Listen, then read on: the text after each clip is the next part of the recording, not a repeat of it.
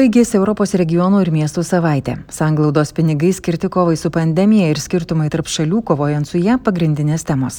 Laidoje Eurokomisarė Elisa Ferreira ir savo įspūdžiais dalyjasi piliečių dialogė dalyvavęs jaunasis žurnalistas Lukas Paškevičius. Europos klubas. Ši savaitė Briuselėje skirta Europos miestams ir regionams. Europos parlamente atvirų durų dienos institucijos pamažu atsiveria gyviems susitikimams, o Europos regionų savaitė, kasmetinis regionams ir miestams skirtas renginys, jau antrą kartą vyksta tik skaitmeninėje erdvėje. Tūkstančiai dalyvių ir sanglaudos pinigų panaudojimo geriausi pavyzdžiai, jų paroda taip pat virtuali. Gyvi vos keli nedideli renginiai ir apdovanojimai su labai ribotu kiekiu žmonių. Akivaizdu, kad tokias permainas įvedė COVID-19 pandemija. Ir šiais metais didžiausias dėmesys būtent tam, kaip pavyko ES tvarkyti su iššūkiu, kaip panaudoti pinigai ir kaip sanglaudos fondai buvo skirti sveikatai gelbėti. Lietuvoje 54 milijonai iš sanglaudos fondų buvo permesti iš kitų sričių kovai su COVID. 26,5 milijono skirta medicininiai įrangai, nupirkta 246 plaučių ventiliavimo aparatai, finansuoto šešios testavimo laboratorijos, 15,5 milijonų eurų skirta asmeninėms apsaugos priemonėms, jų nupirkta beveik 30 milijonų, 873,5 tūkstančių skirta IT sprendimams, beveik 123 milijonai eurų iš kitų sričių permesti verslo verslo paramai. Tačiau kartais didžiausi skirtumai, o būtent tam skirti sanglaudos pinigai, mažinti gyvenimo lygio skirtumus valstybėse narėse, net ne piniguose, o mąstyme tačiau pinigai gali padėti nors ir labai pamažu. Kaip Europos klubui sakė sanglaudos reformų komisarė Lisa Ferreira, reikia užtikrinti vienodą prieimą prie informacijos ir išsilavinimo. Tai keičia labai daug ir kovoje su pandemija. Visoms ES valstybėms turint vienodas galimybės apsaugoti žmonės vakcinomis nuo COVID-19, vienose pasiskiepijusių arti 100 procentų galinčių tai daryti, kai tuo metu kitose siekia vos ketvirtadalį. Ir šis skirtumas labai aiškiai atskiria rytų ir vidurio Europos valstybės, kurios prisijungė prie Europinio klubo vėliausiai, o pragyvenimo lygių tebesivėja vadinamas senasias vakarų šalis. Lietuvoje pilnai paskiepyta 70 procentų saugusiųjų, tuo metu Danijoje per 95, Portugalijoje virš 90, Prancūzijoje per 85 procentus, Airijoje daugiau kaip 92 procentai. Tuo metu Bulgarijoje kiek per 23 procentus, Rumunijoje apie trečdalį suaugusių gyventojų. I mean, Vakcinavimas, kaip jis organizuojamas, priklauso nuo kiekvienos šalies narės. Bet tai, ką jūs sakot, požiūrių skirtumai tarp išsivyščiusių teritorijų, kad ir tokių kaip Vilnius ir likusi šalies dalis. Ir tai tiesiogiai gražina prie to, kas yra išsivystimas. Prieimas prie informacijos, pasitikėjimas sistema, galimybė gauti adekvatų išsilavinimą, gebėjimas suprasti mokslinę informaciją. Nes iš tiesų kalbam apie skirtingus elementus, kurie ir sudaro vystimosi koncepciją. Todėl tai ir yra priežastis, kodėl Lietuvoje Lietuvoje, kaip ir daugelįje kitų šalių, klausimo esmė, kaip mes turim perdėlioti prieimą prie išsilavinimo, prie informacijos, prie žinių, prie pakankamai apmokamų darbų, tokiu būdu, kad turėtume subalansuotą vystimąsi kiekvienoje šalyje. Ir man atrodo, tai mano asmeninė nuomonė, kartais ko mums labiausiai reikia, tai gerų institucijų. Institucijas aš turiu omenyje geras mokyklas, gerus universitetus ir gerą valdymą, kad iš tikrųjų visi piliečiai rastų savo vietą bendrame kontekste.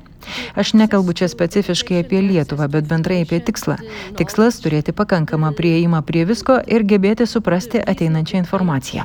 Mes turime apie 70 procentų vakcinuotų Europos gyventojų. Turime šalių, kuriuose 85 procentai vakcinuoti ir turim šalių, kur žmonės nepasitikė sistema, todėl jie pasitikė tuo, ką girdi iš kaimyno ar kas strategiškai destrukciniu būdu jiems pakišta internete.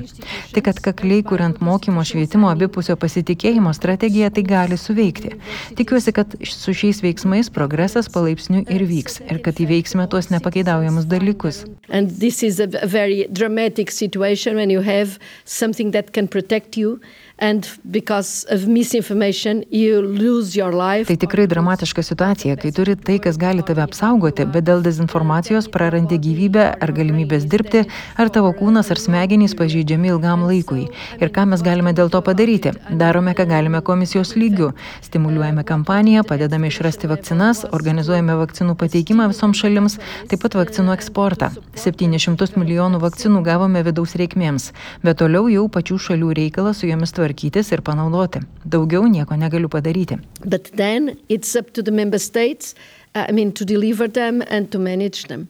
So I'm sorry, I cannot do anything else about it. Sako Eurokomisarė Elisa Ferreira. Dar vienas regionų ir miestų savaitės momentas - jaunų žmonių dialogas su eurokomisare. Jame šį kartą ir Lietuvos atstovas, jaunasis žurnalistas Lukas Paškevičius. Pakvietė iš tikrųjų Europos komisijos atstovai dalyvauti, nes su praeitų metų dalyvis, jaunasis žurnalistas ir um, dariau istoriją apie Alpių regioną ar ne, e, kur e, iš tikrųjų tos pačios problemos, bet kas skiria tas e, problemas, tai tik kalnai. Ir viena iš mano herojų pasakė, tai pajudinkim tos kalnus ar ne ir raskim Deus Tai piliečių dialogas tai ta vieta, kur mes visi galim susėsti prie bendro stalo, taip vakar ir sakiau, nesvarbu, kas mes esam - gydytojas, mokytojas, studentas ir kartu galim e, kalbėtis apie tas problemas, kurios mus jungia, nes keliaujant po ES pamačiau, kad uh, iš tikrųjų bendros mūsų iš tikrųjų yra tos problemos ir uh, mes galim rasti kartu būdus kaip jas išspręsti. Bet tai reiškia, kad tai va tie jauni žmonės, kurie dalyvavo ar ne šitam dialoge, tai ne, ne apie lietuviškus dalykus tu darai. Ta, ta projektas, projektą, kaip suprantu, pristatinėjai, kad Lietuvoje Alpių nėra, ar ne, tai akivaizdu, kad ne, ne savo šalies. Tai tiesiog buvo toks kaip ir, na, mainimasis, ar ne, kitom akim, kitų požiūrių. Taip, ir yra labai gerai. Aš iš tikrųjų galvau, kad kai pakvietė mane organizatoriai, kad teks daryti ar ne apie Lietuvą, papasakoti, arba bent jau tada apie kaimininę Lenkiją, Latviją, kad toli nereikėtų keliauti. Bet štai išsiuntė į Austriją, į Prancūziją, dar teko pakeliauti ir, ir į Belgiją čia užsukti, ir į Šveicariją, ir į Vokietiją, tai penkios šalis per tris dienas, tikrai didelė avantūra, e, susipažinau su tikrai įdomiais žmonėmis, tai tos problemos yra tos pačios. E, projektas būtent Youth Help, Youth Shaping Help, tai jis, na, aš manau, kad yra ir Lietuvoje tokių atitikmenų, tik tais gal nejungia, tai galėtų būti Lietuvoje ar nepritaikyta ir kad Lenkija, Latvija, Estija ar ne būtų Lietuva to šalis, kur būtų ir jaunimo reikalų taryba bendra, ir, ir, ir bendros problemos ar neiškeltos, ir, ir būtų valdžios atstovai įeitų į vieną struktūrą ir jaunimas, ir mes, na, galima sakyti, toks kaip ir dialogas to pačiu, ar ne, kaip piliečių dialogas, tai tik tais tokiu formatu ilgalaikiu, ar ne, padarytas, tai tikrai taip, apie tai, apie tai, apie tai, taip. Aišku, čia Eurokomisaras komisarė vakar pasakė, kad jūs jau esate ta karta, Next Generation EU, bet e, aš nesutikčiau su tuo. Aš manau, kad mes kiekvienas esam šiandien svarbus, nesvarbu, kas mes esame, ar žurnalistas, ar studentas, ar, ar ne m, pardavėjas, man atrodo, kiekvienas asmo yra šiandien svarbus ir tikrai ne ta karta, kurie ateina, mes visi esam svarbus ir mes visi galim daryti pokytį. Taip kad nereikia nurašyti, ar senas, ar jaunas, kas tu esi nesvarbu. Koks to didžiausias įspūdis iš to, to tokio, na ir susitikimo, ir pristatymo, ir apskritai viso šito dialogo, galima sakyti? Labai labai geras labai džiaugiuosi, aišku, trūksta tų minučių, kaip visada, laikas labai struktūruota viskas, viena valanda, bet džiaugiuosi, kad turėjau galimybę ar ne ir tikiu, kad kitais metais gal kitas Lietuvos atstovas galės taip pat perimti tas patirtis. Čia viena mano kolegė, jaunoji taip pat žurnalistė, dabar kartu dirbam vienoje darbovietėje. Labai džiaugiuosi, kad atstovauja praeitų metų, galima sakyti, mano rolę. Tai džiaugiuosi, kad kartos keičiasi ar ne ir, ir, ir mes kiekvienas turim galimybę prie, prie, prie to prisiliesti, prie tos ES, išgirsti apie problemas, apie programas. Nu, labai džiugu. Įspūdžiais po renginio dalyjosi Lukas Paškevičius. Dar vienas tradicinių tapęs akcentas jaunųjų žurnalistų apdovanojimai. Paskelbti 2021 m. Megalizį Nedėlski premijos laimėtojai.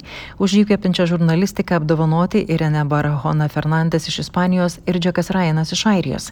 Jie apdovanoti už perspektyvų darbą, atsidavimą kokybiškai žurnalistikai ir atstovavimą ES vertybėms. Megalizį Nedėlski vardo premija įsteigta prieš dviejus metus, pagerbent per 2018 m. teroro aktą Strasbūre žuvusių jaunų žurnalistų ant Antonijo Megalizi ir Bartiko Nedzielskio atminimą. Šiandien tiek su jumis buvo Vilija Kvedaraitė. Iki susitikimo kitą savaitę iš Strasbūro. Nepamirškite prenumeruoti Europos klubo podcastą ar sekti paskyrą socialiniuose tinkluose. Prie Europos klubo finansavimo prisideda ir Europos parlamentas. Europos klubas.